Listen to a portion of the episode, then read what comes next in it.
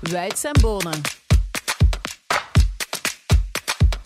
Beste wielerliefhebbers, de Amstel Gold Race werd gisteren heel even gewonnen door Benoit Cosnefroy. Maar uiteindelijk was het dan toch Mikhail Kwiatkowski. Daar gaan we het uitgebreid over hebben. Natuurlijk kijken we ook naar de prestaties van Remco Evenepoel in het uh, Baskeland. En lonken we al eens naar de kasseien van Parijs-Roubaix. Welkom bij Wuits en Bonen. Maar het moet gezegd, Tom Bonen die, uh, heeft een belangrijke afspraak in Amerika. Hij is er dus niet bij. Ik weet niet wat er nog belangrijker is dan deze podcast. Maar gelukkig is daar wel nog altijd uh, Michel uh, Wuits. Dag Michel. Hey. En een man die uh, onder meer drie zegens op de piste van Roubaix in zijn achterzak heeft. Johan Museeuw. Dag Johan. Goeie, dat is eentje minder dan Tom Boon. Hè? Dat is eentje en minder. Roger de Vlaming. Ja, maar je weet moeten wel... we erbij zeggen. Dat moeten we erbij zeggen. Voor we er echt aan beginnen, heb ik drie vragen voor jullie en daarop mogen jullie kort antwoorden. De eerste is de Amstel Gold Race een week na de Ronde van Vlaanderen voor herhaling vatbaar, Michel? Nee, ik zou het niet doen. Het is voor de helft geamputeerd. De Amstel Gold Race neemt een uh, groot stuk van de gerodeerden van de Ronde van het Baskeland mee en dat was nu niet het geval. Mm -hmm. Johan? ligt niet op zijn plaats uh, de week na Ronde van Vlaanderen. Er is maar één wedstrijd die daar op zijn plaats zit, dat is Parijs-Roubaix. Op welk vlak heeft Remco Evenepoel jou het meest kunnen bekoren in de Ronde van het Baskeland, Johan? Op alle vlakken heeft hij mij geweldig bekoord in deze Ronde van het Baskeland. Oké, okay, we gaan er straks uh, verder op doorgaan, Michel.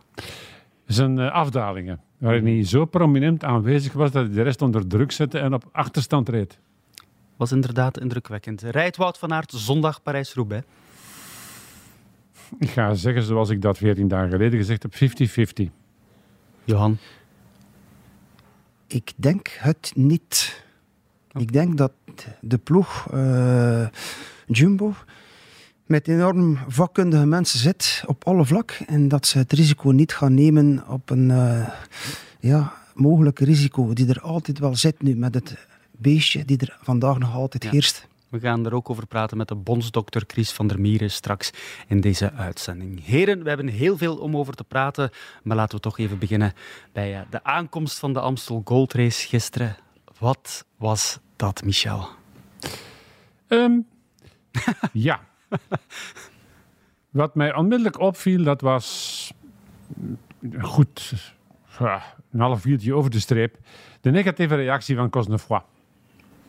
Die sloeg op zijn uh, stuur. Mm -hmm. Die had een uh, negatieve indruk van, ik heb hem niet. En dan verandert dat. En uh, wie bepaalt dat? Eén man.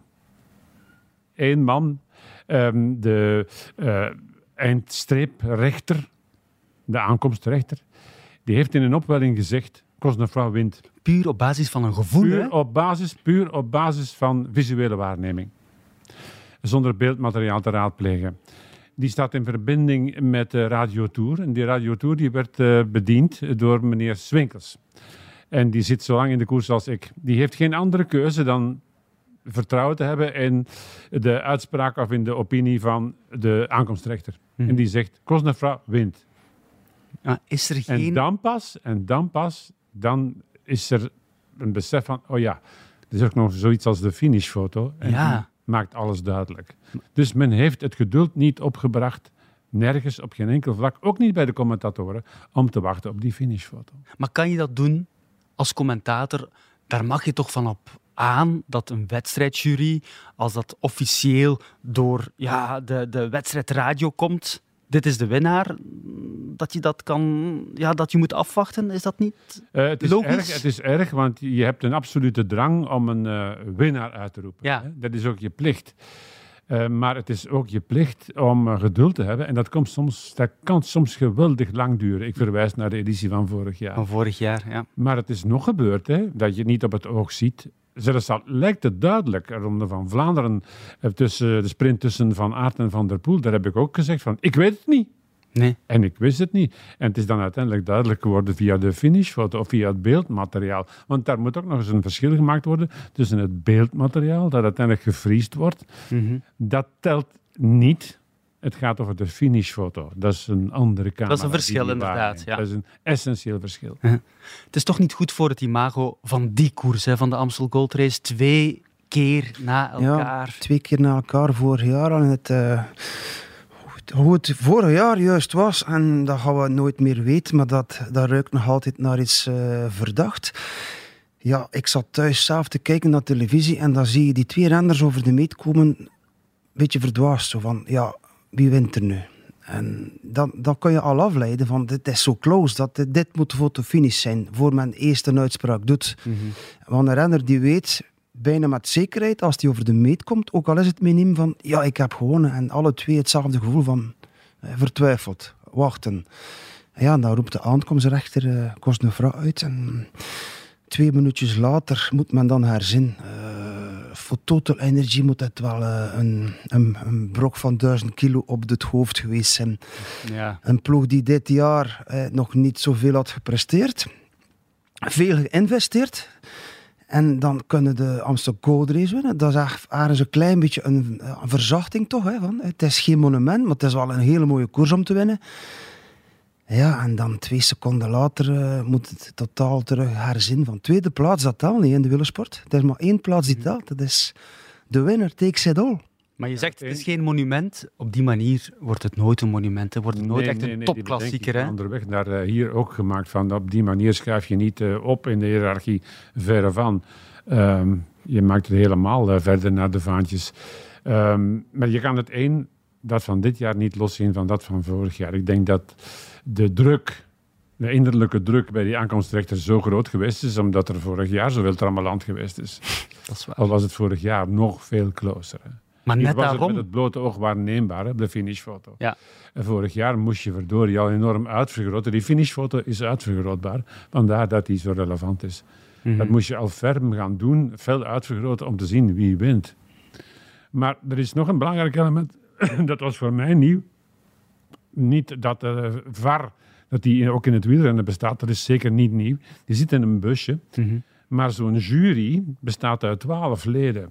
En die komen dan, cito presto, na de aankomst bijeen, in de VAR de beelden te bekijken, om de beelden te bekijken. Niet alleen de aankomstbeelden, maar ook dingen die onderweg eventueel fout gelopen zijn. En die gieten dan die fouten in een communiqué. Dus dat is ook gisteren gebeurd. Dus het is toch wel een beetje overtrokken om uh, zomaar te zeggen, want de jury gaat hier flagrant in de fout. Het gaat om één jurylid. Oké, dat is een uh, interessante, nodige nuance die we inderdaad moeten benadrukken. Uh, we hebben eigenlijk gisteren wel een mooie koers gezien. We gaan het straks hebben uh, over de winnaar. Maar ik wil toch nog één dingetje aanraken. Iets waar ik mij persoonlijk um, een beetje aan stoorde. Al die auto's op het parcours in de Amstel Gold Race. Dat zie je bij ons in Vlaanderen toch niet? Hoe kan dat? Men kan in um, Nederland en eh, in het bijzonder in Zuid-Limburg in dit geval geen parkeerverbod afdwingen. Nee. Dat is uitgesloten. Dus het is een noodzakelijk kwaad. Het is toch gevaarlijk, ja, Johan? Ja. Amstel Gold Race is eigen aan uh, wagens die, die geparkeerd staan. Die blijven daar ook een hele dag staan. Maar je komt meerdere keren op dezelfde plaats. En die blijft daar gewoon staan in de weg van de renners. En men doet daar niks aan. Um, men heeft het altijd over de veiligheid van de renners, maar dan moet men voor één dag maar het reglement wijzigen en die auto's weghalen. Mm -hmm. Voor mij kan dit niet. Ik heb gisteren momenten gezien, renners die uitdraaien uit een bocht, een wagen die er staat, mm -hmm. levensgevaarlijk. Maar dit is eigen aan Amsterdam Gold Race. Het is voor mij, in mijn generatie dan, een van de... Na Milan Sanremo, de wedstrijd dat je hele dag bijna risico's neemt op leven en dood. En dat zijn vluchtheuvels, zijn kleine rotondetjes, dat zijn vooral wagens. En ja, niet vertrouwd zijn met de wielersport zoals hier in Vlaanderen. Want bij ons is alles netjes perfect georganiseerd. Daar niet. Het is irreëel dat een zogeheten progressief land daar nog altijd niks kan aan doen. Dat reglement dat um, een onmogelijkheid om een parkeersverbod in te stellen, dat dat niet kan. Dat kan er bij mij niet in. Nee, bij mij eigenlijk ook niet. Goed. De winnaar, Mikael Kwiatkowski, een heel rustige man. Dat heb ik uh, zelf nog maar eens gemerkt toen ik hem uh, sprak na de finish.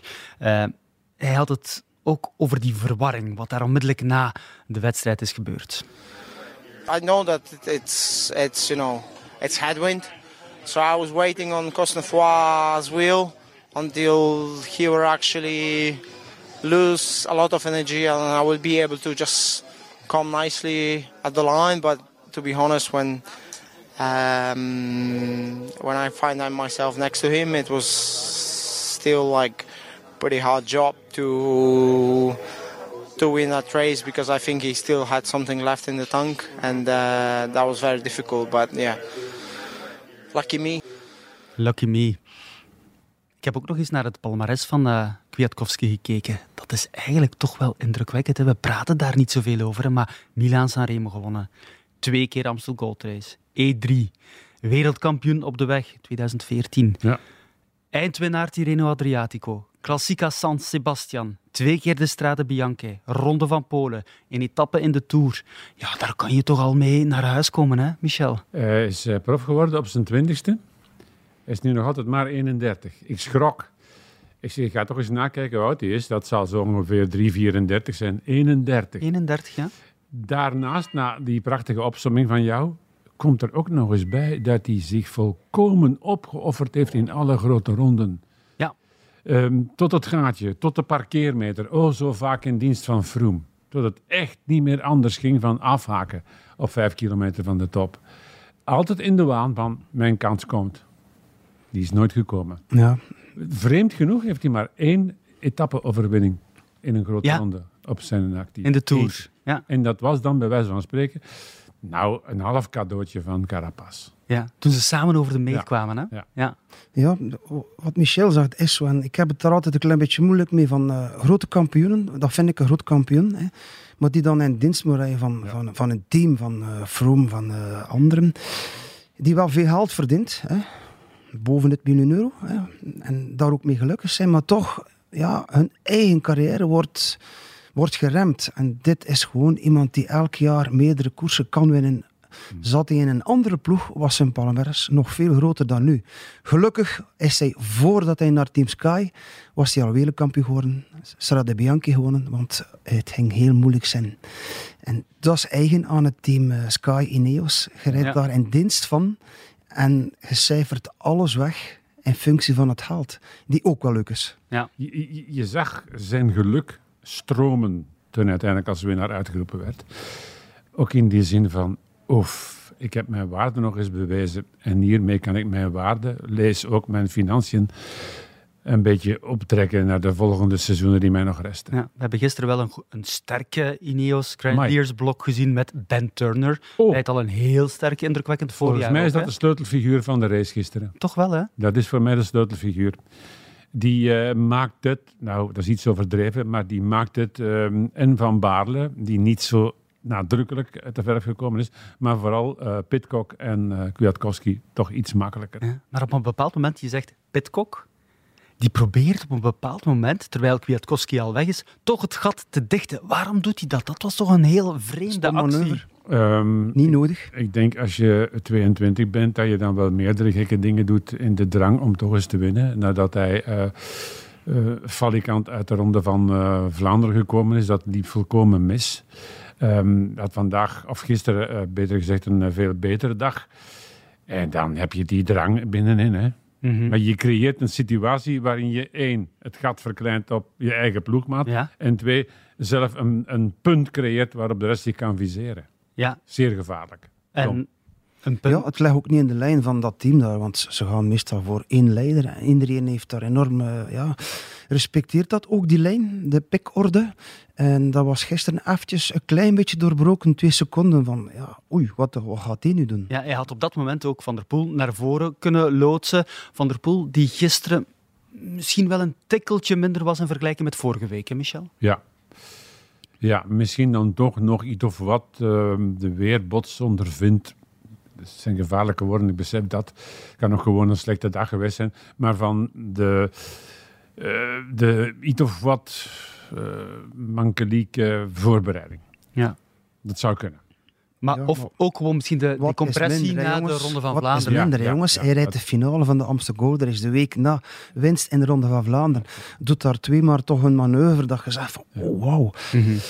Ja, zwaar. Het is altijd zo gevaarlijk om te zeggen minder als een fenomeen niet wint. En Nee. Ik vond hem niet minder. Hij was gewoon de- in de finale dan, ja, Ik heb boven niet, naar zijn- niet de winnaar. En Ja. dat kan nu zondag in Dat Roubaix. verwachtingspatroon, hè. Ja, Een figuur zoals hij, met een eh erelijst op die jonge leeftijd. eh, dat verwachten alsof, veel, wij, hè? alsof wij niet meer verdragen dat hij faalt. Wel, het is heel interessant dat je dat nu zegt, Michel. Want na afloop kwam ik ook eh, papa Adrie van der Poel tegen. Ik heb hem even gesproken. En dat werd eigenlijk een, een heel vreemd gesprek. Ik heb, eh, ik heb er een stukje uitgehaald. Luister maar. Jullie verwachten als pers zoveel van die, van die mensen. Dat, dat, dat, dat voor die mensen. ay, ik ben heel blij dat ze heel weinig moeten koersen. Want die druk die jullie hun opleggen, die is ondraaglijk. Maar wij leggen geen druk op hoor. Ah nee, je begint maandags al met druk te geven van favoriet dit, favoriet dat, favoriet zo. Is dat niet logisch dat hij met zijn kwaliteiten, met Nee, zijn want- talent, dat hij de man is waar naar gekeken wordt? Nee, want, want je kijkt niet naar de rest. Je bent van de rest afhankelijk. Hè? Als, je, als, je, als je hier een normaal deelnemersveld hebt. Met, met eh, Alain Philippe, eh, ja, ik hoef ze allemaal niet op te noemen, dan krijg je een heel andere koers. Hè? Ja, dat is, wel, dat is wel zo. Maar het is toch logisch dat, dat eh, iemand als een Mathieu van der Poel, ja, een van de toprenners, de beste renners ter wereld, dat daar naar hem gekeken wordt en dat daar over gesproken wordt. En dat dan ervaren, dat, dat moet niet per se ervaren worden als, als druk leggen, toch, Adrie? Ja, ik vind van wel. Het zou toch Maar dat is mijn mening. Hè? Dat is zijn mening. Dat is de mening van een vader. Hè. Ja. Maar leggen wij, Michel, wij journalisten, leggen we te veel druk op de renners? Moeten we Ehm. ook een beetje aan introspectie doen? Want ik heb daar gisteren op de terugweg van, eh, van Valkenburg naar Gent wel lang over nagedacht, eerlijk gezegd. Ja, in- ik heb dat door de jaren heen wel geleerd hoor. Ehm, nogmaals, hè, ik herinner mij dat ene gesprek met eh, Erik Dekker, eh, die mij dan plots zei van waar zijn jullie in godsnaam allemaal over bezig? Eh, theorieën, tactieken, terwijl het voor mij altijd gaat over goede benen of slechte benen. Ja. Het is natuurlijk onze job, hè? Het is onze job, ja. Maar ehm, je bereikt een bepaald niveau en dat niveau is zo hoog dat een nederlaag al niet meer getolereerd wordt. Godzijdank kan dat nog, hè. Ja.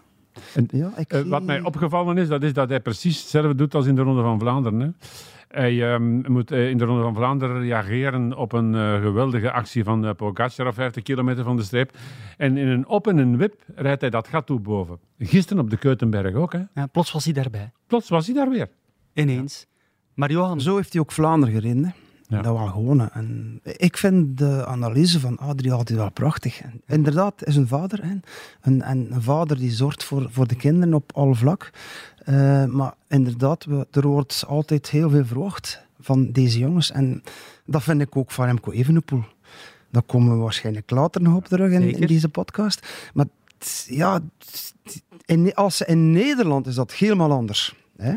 hoe? Het is een Nederlander, maar het is allemaal veel rustiger. Eh, men bouwt langzamer op. De aandacht is ook veel minder. Juist, maar wij creëren ook zelf die aandacht. En we leven in een, vandaag in een maatschappij ook dat social media, podcasts, deze is wel de beste, ik weet het, maar er zijn er enorm veel. En social media, iedereen mag zijn mening zeggen. Maar Johan, wat Weet- is erger? weet- Wat is weet je erger? wat, wat, wat men voor mij mag afschaffen? Het uitdelen van sterren. Ja. Dat speculeren, dat hoeft voor mij niet. Maar ik ga op het einde van de Dat is- dat podcast ook weer vragen wie Parijs-Roubaix wint. Moeten we daar dan ook mee stoppen? Want dat is eigenlijk ook een vorm van Maar dan gaan wij hè. antwoorden, de kans bestaat dat. Nee, het is waar. Maar wat is er erger, Johan? Dat er niet over jou gepraat wordt? Of Ja. dat we veel over iemand praten, over een renner, waardoor dan ja, potentieel de indruk kan gegeven worden dat we druk leggen? Ja, maar Ader heeft aan van oké, mijn zoon die kon of mocht bijna niet meer verliezen, want hij was zo de favoriet naar Vlaanderen. Dat was ook zo, maar dat werd zo uitvergroot. Ja. En dan is het niet altijd zo makkelijk om, want hij weet ook van het is niet makkelijk om de Amstel te winnen. Ook al is hij een fenomeen en is hij supergoed en zijn anderen aanwezig. Ja.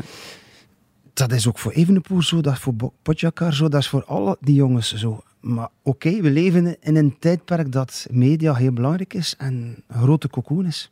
The winner has to take it all. En dat is zelden zo geweest. Nou ja, Merks. Dat is waar. Ehm, wat eh Adrie van der Poel eh, betreft, ehm, als de dag komt dat hij Van Aert waardeert en zegt dat Van Aert ook dik oké is, dan komt het goed met hem. Voilà. Zijn er nog renners waar we het niet over gehad hebben? Ehm, ja, Ties Benoot bijvoorbeeld. Derde, hij was weer opvallend. Beter dan in de Ronde van Vlaanderen, vond ik wel. Dikke coureur, hè? Ja, toch? Hè? Geen winnaar wel. Nee, maar de juiste transfer. En dan natuurlijk hij ook pech dat Wout van Aert de kopman uitvalt. Ik geloofde echt in een, in een winstkansje voor hem. Met Wout van Aert gaan ze de wedstrijd heel anders tactisch gaan betwisten en rijden. En rijden zij ook anders. Ja. Nu zitten ze in een rol van, ja, we moeten, we moeten, we moeten, we moeten. En die jongens zijn dat niet gewoon, van we moeten. Eh, ze zijn een beetje onzeker en doen dan manoeuvres niet altijd juist, maar heeft na de val zich enorm meer opgewerkt tot een ja, volwaardige renner in dat team. En ten opzichte van vorig jaar is dat weer een renner geworden. Ja, wat Wereld we van wisten na de Strade Bianchi winst, dit zien we gewoon nu. We moeten zeggen van, oké, dit zijn niet echt de killers, de winnaars. Dat blijft, dat is zo, maar hij rijdt wel voor mij de, ja, een top 3 plaats en haalt daarmee wel het maximum uit, uit, uit de wedstrijd gisteren, denk ik. Van Aert wint en laat winnen. Ja. En die luxe heeft Van der Poel niet. Die zit daar alleen. Een beetje armzalig alleen. Hè? Met Is niks wel, rondom hem heen. Ja. Zelfs niet eh, voor de Keutenberg hè, zit daar nog volk. Ehm, mocht Van Aert nu de top van Aert mee die eh, finale gereden hebben, dan krijg je inderdaad, zoals Johan dat aangeeft, een totaal ander verhaal voor Benoot. En Van Aert heeft al bewezen dat het ondertussen geleerd werd als koopman om te heersen en te verdelen. Onder zijn eigen mannen. Ja. Met Van Aert had gisteren Benoot een dikke winstkans. Ja, maar, Maar hij moet alleen. vorig jaar zat Van Aert ook veel alleen. Hè. Dit jaar is dat Ja, helemaal ja. anders. En inderdaad, eh, Mathieu zit soms op bepaalde momenten alleen. En gelukkig is dat dan een, een Gianni Vermeers, hè, die daar wel altijd tussen glipt. Ja, z- men moet gewoon bouwen naar, naar een team, naar een koopman. En dat draait altijd rond de budgetten. Hè. Men moet kunnen bouwen. Het gaat altijd over geld. Dylan Teuns dan. Tiende. Hij was heel zwaar ontgoocheld gisteren. Had er veel meer eh, van verwacht. Had jij ook meer van hem verwacht gisteren? Want hij was op zich wel mee in die kopgroep. Eh, toen hij ehm, dat gat probeerde te dichten op de twee koplopers die uiteindelijk voor de zege gesprint hebben, toen dacht ik, eh, vier seconden, dat krijgt hij wel dicht. Mhm.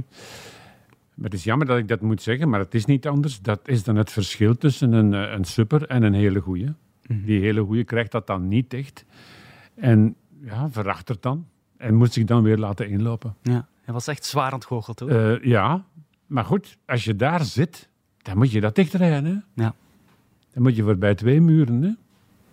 Misschien zelfs drie. En weet je wie mij gisteren enorm heeft kunnen bekoren? Het is misschien vreemd, maar het was echt heel fijn om die jongen te zien en eh, te spreken. Vooraf is Kian Uitenbroeks. Het enthousiasme, de goesting om te koersen was zo groot bij de jongen aan de start in Maastricht. De Amstel Gold Race was zijn eerste klassieker ooit bij de profs en dat klonk dan zo. Het is hier allemaal zo nieuw en zoveel volk. Ik ben dat niet gewoon. Hè. Bij de junioren was er minder volk. Dus ja, het is, het is echt wel leuk om mee te maken. Ja, Vorig jaar nog bij de junioren, nu bij de grote jongens. Wat verwacht je ervan? ja ik denk eh, voor vandaag zeker moet ik mijn ambities niet te hoog zetten. Ook omdat ja, het is zo'n lange wedstrijd. Ik weet ook niet hoe mijn lichaam gaat reageren daarop. Eh, ik denk het is een wedstrijd die in de toekomst misschien wel iets ooit voor mij zou kunnen zijn. Maar ik denk nu moet ik leren eh, hoe het in elkaar zit hier en het parcours leren kennen en zo. En ja, per keer dat ik het eh, doe is, eh, is een stap vooruit voor de toekomst. Dus eh, ja, ik ben heel blij dat ik de kans krijg om het nu eigenlijk al te doen. Ja. Heerlijk toch, hè? die onbevangenheid.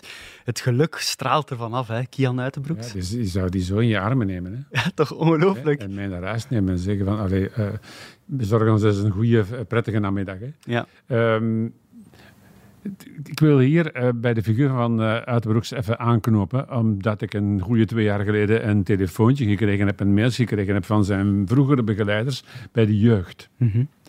Om je maar te zeggen, waar het soms ook groeit, het verwachtingspatroon. Die bestookte mij met uitspraken als, dit is een betere Evenepoel. Dit is een jongen die eh, merkelijk hogere waarden hoogt, eh, beoogt en haalt bij de jeugd. Daar begint het ook al, hè? Daar begint het. Hè? En dan zijpelt dat door. Ja. En dan vind ik dat we wat dat betreft, daar gaan we toch ehm, eh, bewust, matig mee om. Hè? Laat dat maar allemaal, allemaal eens bekijken en bezien en eh, bewijzen. Hè? Ja. Maar nu kunnen we ook echt wel een perfect bruggetje maken naar het volgende thema dat hier op mijn blad staat, is de Ronde van het Baskeland met een sterke Remco Evenepoel. Eh Baskeland, Johan, toch echt wel misschien wel ja, de zwaarste rittenkoers van één week, mogen we dat zo zeggen? Toch zeker in het voorjaar. Ehm, ik heb hem zelf nooit gereden, maar ik weet dat het eh, een van de moeilijkste rittenwedstrijden is. qua hoogtemeters, soms ook qua weer. Dit jaar is het eh, behoorlijk meegevallen, het weer. Het was goed, maar normaal regent daar elke dag. En dat maakte dan nog eens die wedstrijd nog veel moeilijker. Ja, um, je gaat mij de vraag stellen waarschijnlijk, uh, Remco. Die heeft mij enorm bekoord, elke dag. Um, ik vond het een hele andere Remco Evenepoel dan, dan een paar weken ervoor. Blijkbaar heeft die hoogtestage hem heel goed gedaan. Ja. Ook waarschijnlijk eventjes nadenken over alles en nog wat. En ja, die, die komt daar in het Baskeland te zitten tussen aan die, die Spaanse ploegen. En de laatste rit was er gewoon een coalitie rond hem. Hè. Is dat echt zo? Hij Ja, was wel, geïsoleerd op het Je einde. moet dat wel, als ex-renner zie je dat wel, dat die Spaanse ploegen ja, echt voor elkaar gaan rijden. Ook al is het een andere merknaam, die, die doen dat wel. Hè. Die gaan op voorhand wel eh, eens in het Spaans tegen elkaar gaan spreken, die Dus dat sportdirecteurs. is een hele geschiedenis. En dat is zo. En dat heeft dan wel ook een klein beetje genekt. Genekt niet, maar oké, op, op het einde. En dan ook hè, de, de, het team die wel goed was, beter was in het Baskeland, maar nog niet top. Alaphilippe was oké, maar nog niet goed genoeg.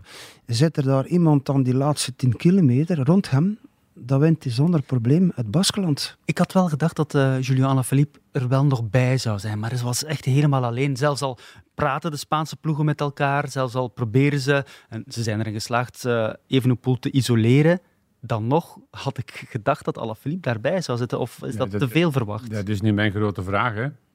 Kon de wereldkampioen niet beter? Of wilde hij met het oog op datgene wat komt niet beter? Ja. Moet ik vrezen voor het tweede? Ja, denk het wel. Dat hij zo snel afhaakte? Dan eh, valt me dat tik tegen. Eh, vooral omdat eh Evenepoel, die heeft elke dag zichzelf voor het volle pond gegeven. Hè. En is dat het verschil tussen een eindoverwinning? Als je de eindoverwinning niet- moet, eh, moet halen, of wil halen, dan moet je dat vergeten. Moet je economisch rijden, hè? Dan kun je dat één keer doen en een keertje naar ritwinst eh, loodsen, maar dan de volgende keer die sprint gaan aantrekken aan een waanzinnig hoge snelheid. En zet hem de derde keer af dat Alaphilippe kan winnen tot op 150 meter van de streep. En blijft hij gaan, gaan, gaan en blijft hij toch tweede in dat klassement. Zo win je geen ronde, hè? Nee. Maar net omdat hij dat wel gedaan heeft, heb ik nu het gevoel van Remco Evenepoel mag zeer blij zijn met die prestatie, dat hij uiteindelijk toch nog vierde wordt. Uiteraard, uiteraard. Ja. Uiteraard. Hij heeft voor mij grote stappen gezet. Ik heb ook zijn tred in het oog gehouden. Ja. Vroeger vond ik hem eh, bergop een stamper. Ik heb hem eh, in mijn column vergeleken met eh Ulrich. Dat is weg. Ja, hè? Hij is ehm, economisch molentjes blijven draaien. Economisch. Ehm, tussen aanhalingstekens. Ehm, en bleef dat goed doen. Totdat het gestok natuurlijk niet ophield. Maar dan moet je rekening houden met wat hij al die dagen ervoor gedaan heeft. Ja. Hè? En de manier waarop hij afdaalde, je zei het daarnet in het begin van deze podcast. Hij zit druk, hè? Alleen afdalen, hè. niet in, de, in het wiel. Hè. Op, Nee, nee, op eh, mooie lijnen nemen.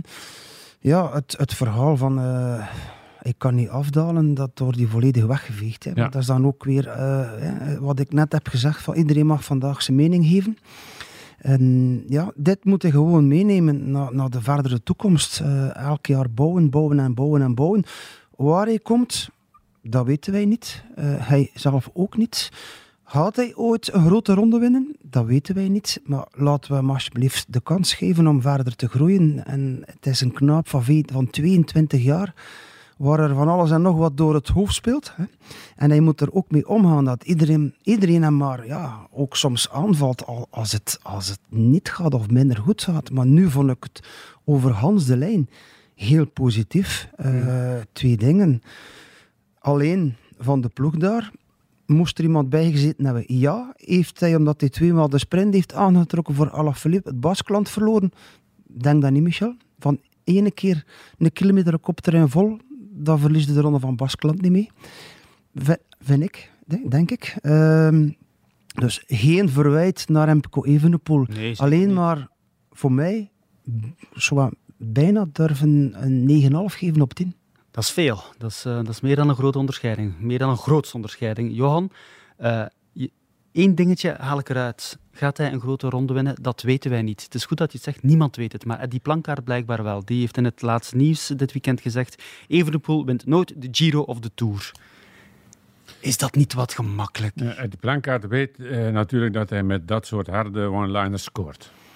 Ja. Maar En- gaat het daar dan over? Einde verhaal. Ten koste van die jongen? Einde verhaal. Ten koste van iets wat je Nee, eigenlijk dat, niet dat, weet? Dat, dat hoef je niet te doen. Eh, wat ik nu vooral geleerd heb eh, door die ronde van het Baskeland en door de meningen van anderen eh, te lezen en te respecteren. Deze Evenepoel, ehm die aan techniek gewonnen heeft en aan durf gewonnen heeft, die kan verschillende richtingen uit.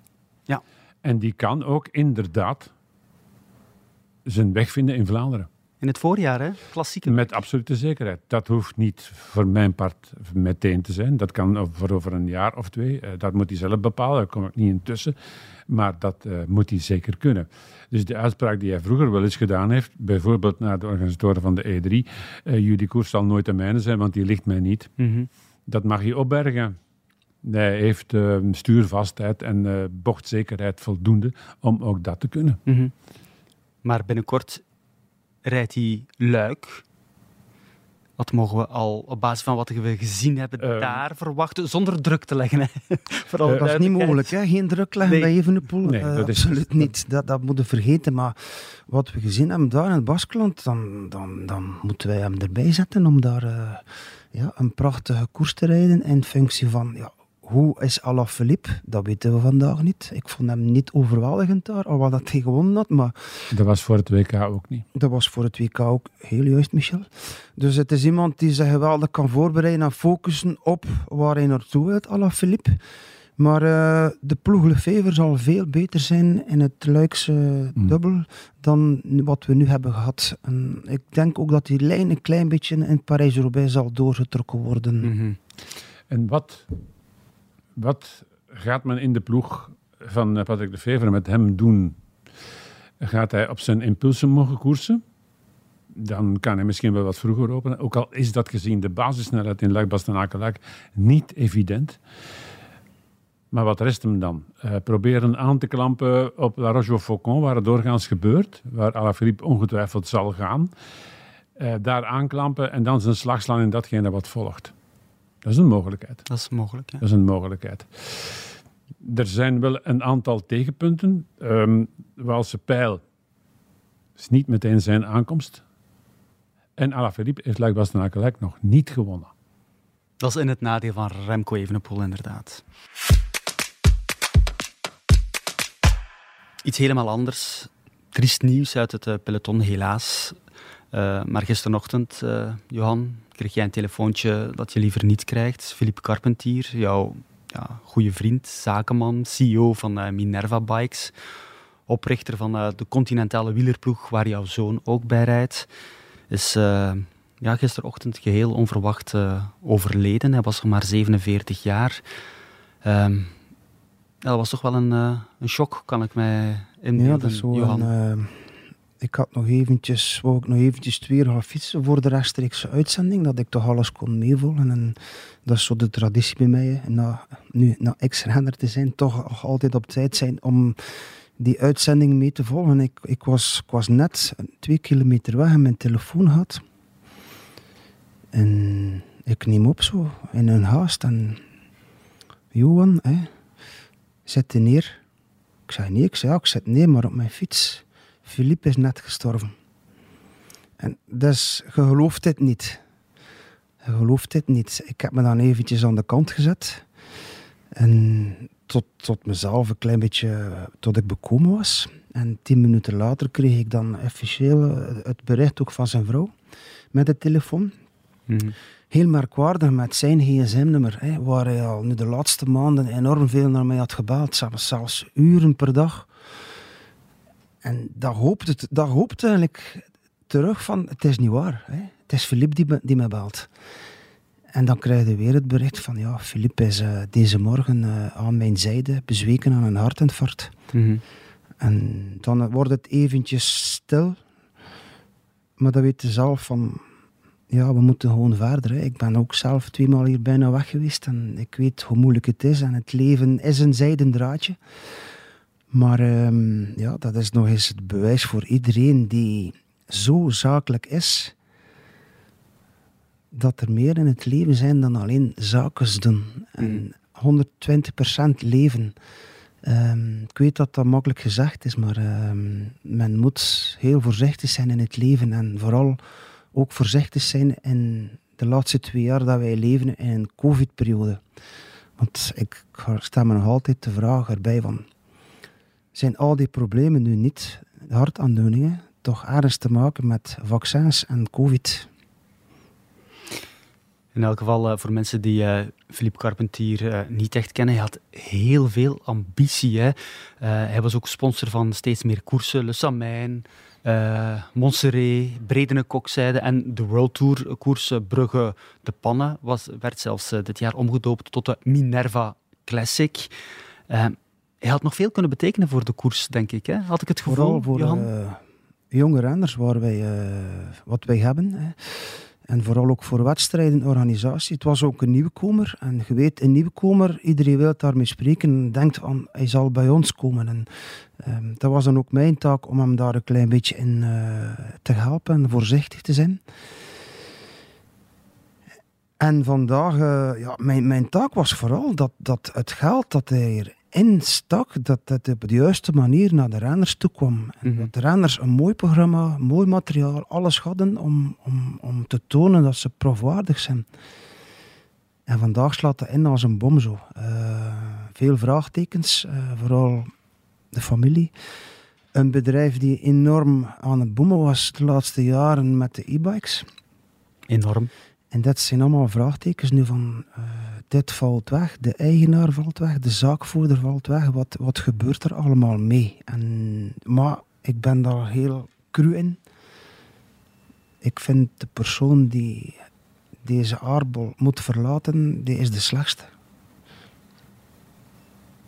Dus voor mij is Philip Carpentier eh, de slechtste in het verhaal. Ik kan niet meer genieten van een kop koffie. Ik kan niet meer genieten van iets van liefde of van genegenheid of van een mooie koers. Dit is het einde, dat is over en oud. Bijzonder triest, in elk geval. Goed, zometeen gaan we samen met eh, Greg van Avermaat even terugkijken naar zijn overwinning van Parijs-Roubaix vijf jaar geleden. En natuurlijk ook vooruitblikken op de koers van zondag. Maar nu eerst eh, even wat eh, technischer. Er zijn, Michel, ook heel veel wielertoeristen die luisteren naar deze podcast. Nu de kasseien van Roubaix er aankomen. Uh, zit je af en toe wel eens op een uh, koersfiets zelf, Michel? Of heb je Ja. dat uh, gedaan? Ja, ben ik overgeschakeld de voorbije drie jaar naar eh gravelen. En o- op welke manier volgens jou, jij als, als eh, zelffietser, op welke manier rijd je het best op kasseien? Ehm, oh, ik onthoud dan altijd de woorden die eh, Jos de Wit, mijn eh, motorrijder van in de jaren negentig, eh, die een specialist was in kasseirrijden, mij verteld heeft. En die zei altijd, eh, in het midden en zo rap mogelijk en zo groot mogelijk, dat je er zo rap mogelijk van afzet. Oké. Ervaringsdeskundige Johan Museeuw, klopt dat? Ja, er zit veel waarheid in. In het midden, dat is op de rug dat wij zeggen, Ja. de ronde bol. En inderdaad, één of twee tandjes groter leggen, dat die trapfrequentie iets minder wordt en dat, het, eh, dat de druk vooral op het achterwiel komt te staan. Dus je moet in principe je lichaam iets naar achter gaan duwen, Echt? op het achterwiel. Handjes los op het stuur en laat het stuur maar gaan wat hij, waar hij wil. Ehm, Los op het stuur, bovenaan Los op het stuur, ja. Maar het zijn toch altijd, als je kijkt naar de kasseirenners, zijn het toch allemaal ja, mannen met lange bovenbenen die dat gewicht naar achter duwen. Achter de bracket gaan zitten. Bonen, kanselaren, noem ze allemaal maar op. Ehm, ja, mannen die, die dat gewicht naar achter kunnen leggen en met het grote bracket over die stenen rijden. En inderdaad, hoe sneller je erover bent, hoe rapper het gedaan is. Hm. Zo, zo is En, het. en, en geen ehm, oninteressant detail, als het nat is, een eh, bril als spatbord gebruiken. Jan Museeuw die zette zijn bril op het puntje van zijn neus, Oké. zodat hij erover bleef kijken. En dan eh, diende de glazen als spatbord. Ja, dat klopt. Maar ik heb ook een paar natte, heel natte edities meegemaakt met, met regen en, en heel veel modder. En ja, op, op, een, op één dag kan Parijs-Roubaix zo wijzigen met droog en, en nat weer. En als het nat is, dan, dan is het echt... eh, ja, dan is het bijna dramatiek, Mm. Roubaix. Ja, en wat doe je dan met de bandjes? Kasseien? Bandjes iets eh, lichter zetten. Eh, uiteraard is het materiaal de laatste jaren zo geëvolueerd dat het eh, nog beter is geworden. Hè. Ja. Men rijdt nu bijna met 30 diameter. Ik kon kiezen tussen 25 diameter. Tubeless is heel in vandaag. Kunnen ze ook iets zachter gaan fietsen. Ja, het materiaal is voor Parijs-Roubaix wel beter geworden ten opzichte van, ja, zelfs ten opzichte van Tom Bonen generatie. En nog even over het stuur. Als je de handjes er dan oplegt, op het los erop legt, een extra ja. stuurlint, kan nee, dat de meeste niet, mensen die dan Parijs-Roubaix gaan verkennen, die hebben zo, hè, dat noemen ze boulijnen zo, hè, bubbes op de handen. Maar een, een, een renner heeft dat niet, omdat hij inderdaad, ja, je kunt, een renner houdt zijn stuur bovenaan of aan de shifters of onderaan. En in Roubaix is het gewoon ja, de kunst om bovenaan het stuur lichtjes vast te houden op de kasseien. Maar dit is iets dat je niet kan leren. Het is gewoon een gevoel van een atleet die begint te koersen. En ja, zo worden dan ook een stukje kasseirenner. Mm Goed, kan niet uh, rap genoeg uh, zondag zijn, want dan is het weer uh, dokkeren op de kasseien in het noorden van Frankrijk. Het bos van Wallers, Arenberg, Monzon-Pével, Carrefour de Larbe en nog, nog 27 andere secteur pavé daar in de hel van het noorden, Parijs-Roubaix. Johan, jij bent een drievoudige winnaar. Ik heb het al een paar keer gezegd. Welke van jouw drie overwinningen is voor jou persoonlijk de allermooiste? Zeker niet toen we met drie naar de meet reden. Eh, met, uh, toen we met vier naar de meet reden, maar Franco Ballerini is dan lek gereden. Zeker niet. Dit is niet de mooiste voor mij. Nee. Uh, nu ben ik ook eerlijk om dat te zeggen. Dat, het zo, dat was ja, op, op zich niet zo sportief voor de kijkers, voor iedereen niet. Maar het was een beslissing die genomen werd. Dat hebben we dan ook gerespecteerd. Ik heb die bal gewonnen. Oké, daardoor heb ik op drie. -huh. Maar heb jij die beslissing genomen? Of uh, heeft iemand in de... Ik heb zelf die ah. beslissing genomen, inderdaad. Okay. En ja. er zijn nog allerlei uh, ja, verhalen en suggesties. En uh, dat is ook het leuke aan die Roubaix. Dat ik vandaag nog heel veel het juiste verhaal mag vertellen. Dat, dat ik inderdaad wel beslist heb om samen naar de mee te gaan. Maar het probleem was vooral wie tweede en wie derde. Bartolome of Tafi. Ja, en de ene was zijn vriendin verjaardag en de andere was zijn vrouw zwanger. En daarom mogen ze alle twee tweede zijn, ja. Dus op een bepaald moment heb ik dan ook ingegrepen. Je kent alle vrouwen, hè, Michel? Ja, maar uh, die van Tafi, dan ga je wat voor hebben als je die beter kent. het was niet de sportiefste, maar het was wel een promotiecampagne waar vandaag uh, de merknaam Mapei nog altijd opteert. Ja. En daar zijn ze ook vier op binnen in dat bedrijf. Vincent was... Cheme, samen winnen. Ja was het logo. Hè, en Zoals Jumbo-Visma nu. Voilà, maar de mooiste vind ik persoonlijk wel mijn lange solo, waar ik in Merigny uh, vertrok. Ik hoorde Wilfried Peters in het radiootje zeggen, jongens, pas op, oliespoor Merigny. Heel glad, uh, wagens staan stil. Ik draaide zoals al elke kasseistrook vooraan op, maar toevallig zat ik daar als eerste. En ik voelde me wel een klein beetje weggaan links-rechts, maar ik gaf twee tandjes bij. En ik kwam uit die, uit die sector en ik was alleen. Mm -hmm. Ik had niet gedemareerd, want het was ook een korte zone.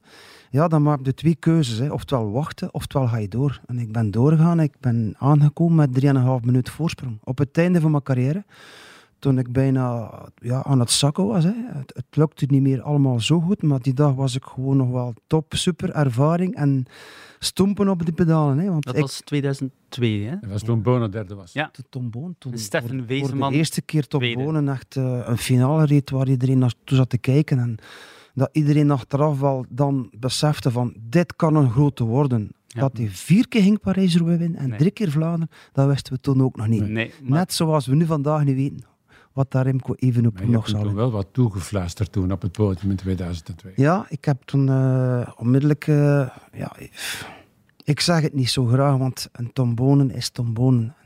Elke renner heeft zijn naam. Ik heb gezegd, jij bent mijn vervanger. En dat zei, hij zei tegen mij zo, dat gaan we nog wel zien. maar, maar, het is zo gebleken. Maar het heeft dan, ja. is inderdaad zo gekomen. En, uh, ja, ja, en vandaag ben jij zijn vervanger hier in deze podcast. Hè? Ja, dat is inderdaad. wel waar, hè, Johan. Maar met plezier. De cirkel is rond. Dat was exact 20 jaar geleden, 2002.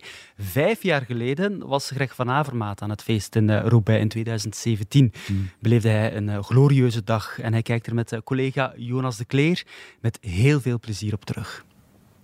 Ja, ik had wel veel vertrouwen. Ja. Ik had, uh, op Laar had ik het wel door dat ik uh, de beste van hem was in koers. En uh, dat voelde op de kassei dat je nog toch wel iets meer overschot, overschot hebt dan de rest. En ook op de weg naar de piste, ik denk dat nog een keer aanvalt op dat, dat stuk vals plat. En dat ik er eigenlijk heel snel kan remonteren. En ik had eigenlijk zelfs nog gedacht om er direct terug over te gaan. Maar ik heb dat niet gedaan omdat ik vrij zeker was van mijn sprint. Maar dan gaf ik het bij, bijna nog uit handen. Inderdaad, zoals gezegd, als uh, Stuyven en Moscon erbij komen, waren we eigenlijk een beetje verrast. Die kwamen erbij op, uh, op een halve ronde van het einde, dus ik denk op 400 meter. En daardoor raak ik ook een beetje ingesloten in die sprint. En moet ik eigenlijk, kan ik mijn sprint niet inzetten op de, op de manier dat ik wou. En dan bakt Sibar eigenlijk een enorm gat. En dan dacht ik van, dat, dat gaat toch niet waar zijn dat ik dat hier nog verlies. En uh, dat was even kortsluiting. Maar ik heb dan gelukkig ja, nog net op tijd eigenlijk terug in de slipstream van Stibar gekomen en er nog over gegaan. Maar uh, ja, tot niet veel, niet veel gescholden, of ik had eigenlijk niet gewonnen. Terwijl ik wel uh, veruit de beste was die dag. Ja, en dan rijd je over die meet. Welk gevoel gaat er dan door jou heen? Heb je meteen door, wauw, dit is, dit is het monument, dit is Parijs-Roubaix? Ja, toch wel. Hè. Ja, ik maakte ook wel een heel goed jaar. Ik was wel vol vertrouwen. Het was ook het jaar dat ik eh, tweede was in de Ronde van Vlaanderen. Op de valpartij in de Quaremo. En ik had de omloop gewonnen, E3, uh, Gent-Wevelgem. Dus, ja. Tweede in de strade. Tweede in de strade, dus. Elke klassieker dat ik gestart had, was ik één of twee geweest. Dus dat was wel ja, was echt een superjaar. En ik stond eigenlijk niet zo, met, zo, met niet zoveel druk aan de, aan de start, maar ik wou wel de koers winnen, omdat ik wist van ja, als, als alles perfect verloopt, ga ik er terug heel, heel dichtbij zijn. En het was ook wel belangrijk, uh, ja, voor mijn carrière, dat ik het monument won. Uh, en ik wilde gewoon die kans niet laten liggen. en dat is gelukkig uitgekomen. En ik wist ook wel achter de media dat het, dat het top was, dat ik dat altijd wel ging meedragen. En ja, ik word er nog elke dag aan herinnerd. En het is voor mij ook wel iets heel speciaals. Het is ook ja, iets wat je voor je carrière hoopt ooit te kunnen winnen. En als je dat, dat kunt afvinken, dat is toch altijd wel iets heel belangrijk. Dat is inderdaad uh, heel belangrijk als je dat kunt uh, afvinken. Wat krijgen we komende zondag, Michel? Een goede vraag. maar ik mag daar niet meer zeggen, hè? Want wie het allemaal zal draaien, hè? Jawel. Maar ik ga het toch doen. Daar gaat heel veel rond Van der Poel draaien. Dat is toch zo, hè? Hij gaat in uh, Roubaix, hoop ik voor hem, beter omringd zijn dan nu. En Roubaix biedt mogelijkheden om uh, van verder te openen. En dat was uh, vorig jaar, toen hij nog niet helemaal hersteld was van veel muizenissen en dan die val in Rio, toen ook al rugklachten waar we toen nog niet echt alles over wisten, toch ook al een goede indruk en deed mee voor winst. Mm -hmm. Zelfs lichamelijk niet helemaal in orde.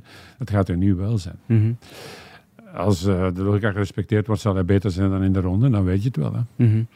Johan, Roubaix is ook een koers waar renners op leeftijd toch nog wel uh, kunnen scoren. Dat hebben we in het verleden wel al gezien. Um, kan Greg van Avermaat nog iets? Ik zag hem vorige week en uh, ik ben daar ook eerlijk in en zei Greg, er is nog één wedstrijd van een monument gehalte dat je nog kunt winnen en dat is Roubaix.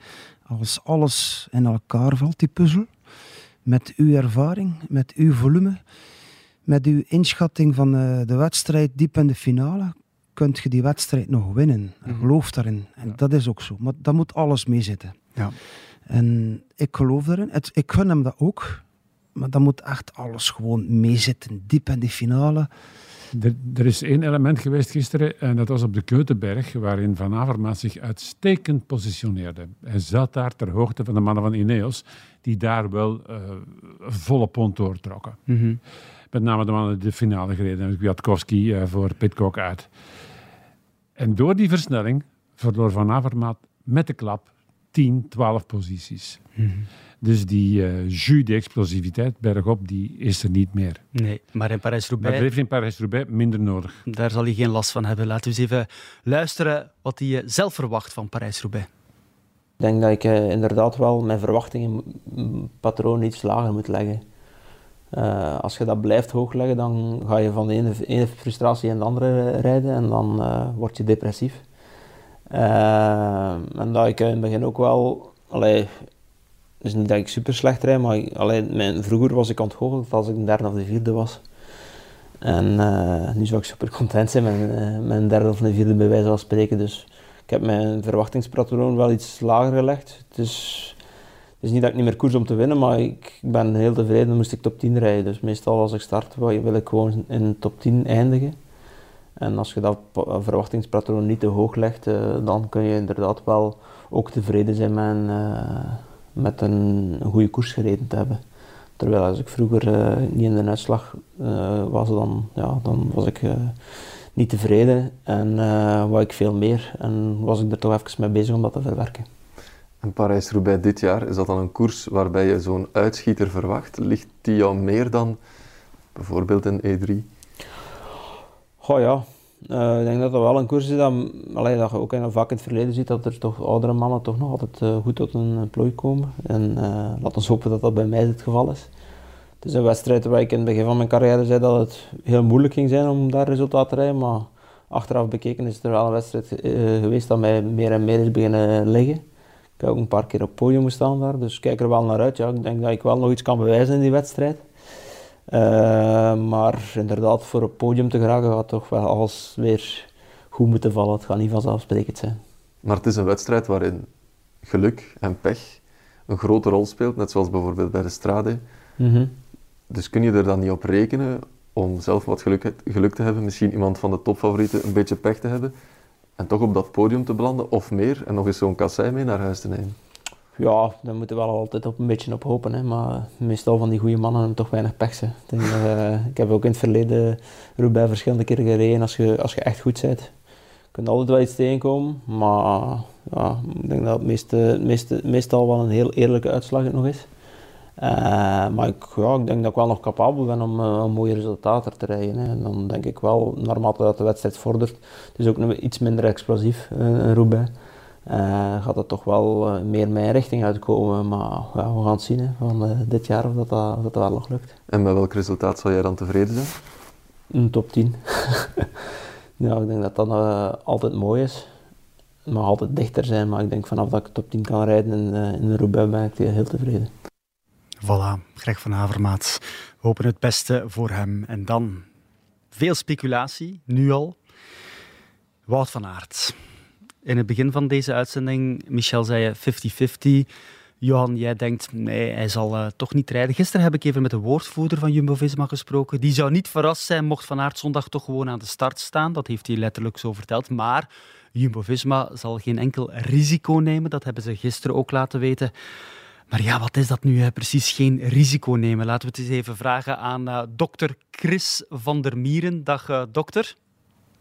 Goedemiddag, goedemiddag allemaal. U bent uh, dokter van de Wielerbond, geen persoonlijke dokter van Wout van Aert, dat voor alle duidelijkheid. Maar Jumbo-Visma heeft gezegd dat ze geen enkel risico zullen nemen. Ze gaan Van Aert ook een harttest laten ondergaan. Maar wat is dat precies, zo'n harttest? En kan je dan na een test alle risico's uitsluiten? Nu, sportgeneeskunde is eigenlijk heel dikwijls een, risicoanalyse. En uh, in het geval van uh, virale infecties, of dat dan nu over corona gaat of over een andere virale infectie, dat maakt al niet zoveel uit. Uh, maar die risicoanalyse is hetgeen wat dat wij doen. Nu, in het geval van een renner die een infectie oploopt, dan moet je dat een beetje zien in drie stappen. Hè. De eerste stap is eigenlijk um, de, de rustfase, de fase na een, uh, het vaststellen van een virale infectie.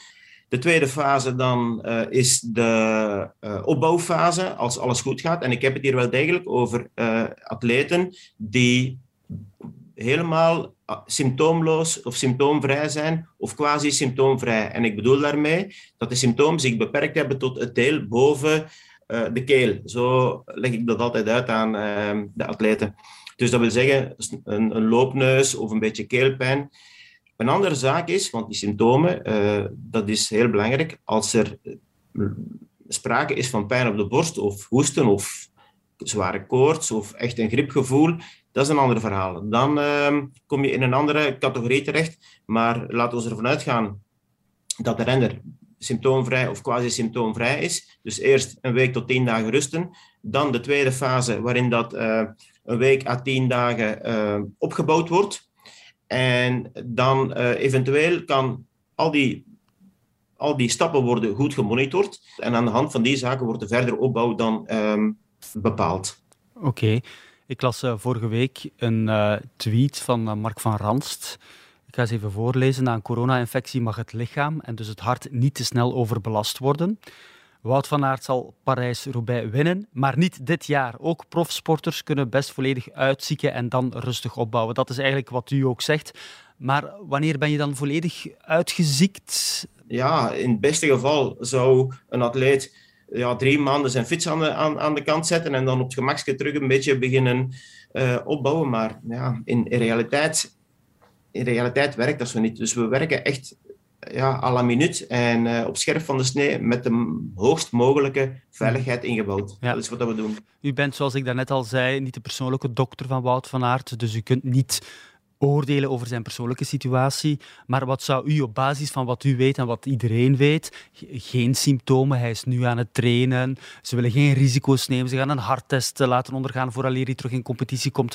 Wat zou u, Wout van Aert, aanraden met uw kennis en met wat u weet? Ik kan, ik kan dat echt niet zeggen voor een specifieke renner. Maar natuurlijk, safety first, dat is dat, daar, moet, daar moeten we niet over discussiëren. Allee, uh, dat, is zeker, uh, dat staat zeker buiten kijf. Maar aan de andere kant, het leven gaat verder. En um, als er dan geen risico's zijn, of het risico is um, aanvaardbaar, dan, uh, ja, dan kan er terug gesport worden, denk ik. Oké. Okay. Chris van der Mieren, bondsdokter, dank je wel om ons even te woord te staan. Hè? Dat is heel duidelijk. Graag gedaan. Voilà, we zullen wel zien wat het wordt, hè. heren met of zonder Van Aert. Maar het wordt hoe dan ook wel een koers om van te smullen. En zo gaan we. Uh, ik denk dat uh, voor Van Aert van belang is, komt hij aan de start met het oog op een prestatie, of komt hij aan de start met het oog op winst? Dat is een verschil. Dat is een essentieel verschil.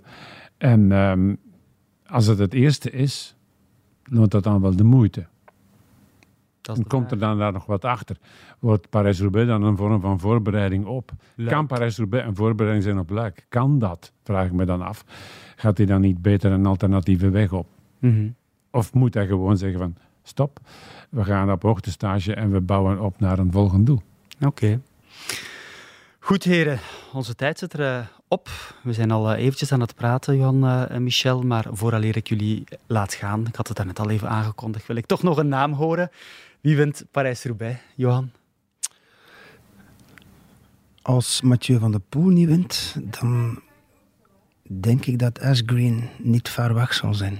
Casper Asgreen. Maar wat, wat is het nu? Is het nu Van der Poel of is het Asgreen? ja, Johan. Ja, je moet een keuze maken. Je, moet keuzes maken in het leven. Um, inderdaad, maar dat doe ik ook wel.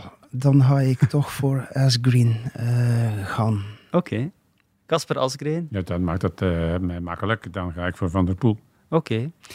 Genoteerd. Johan, dankjewel. Michel, merci.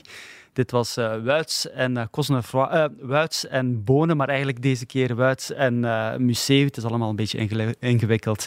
In elk geval heel graag. Tot volgende week.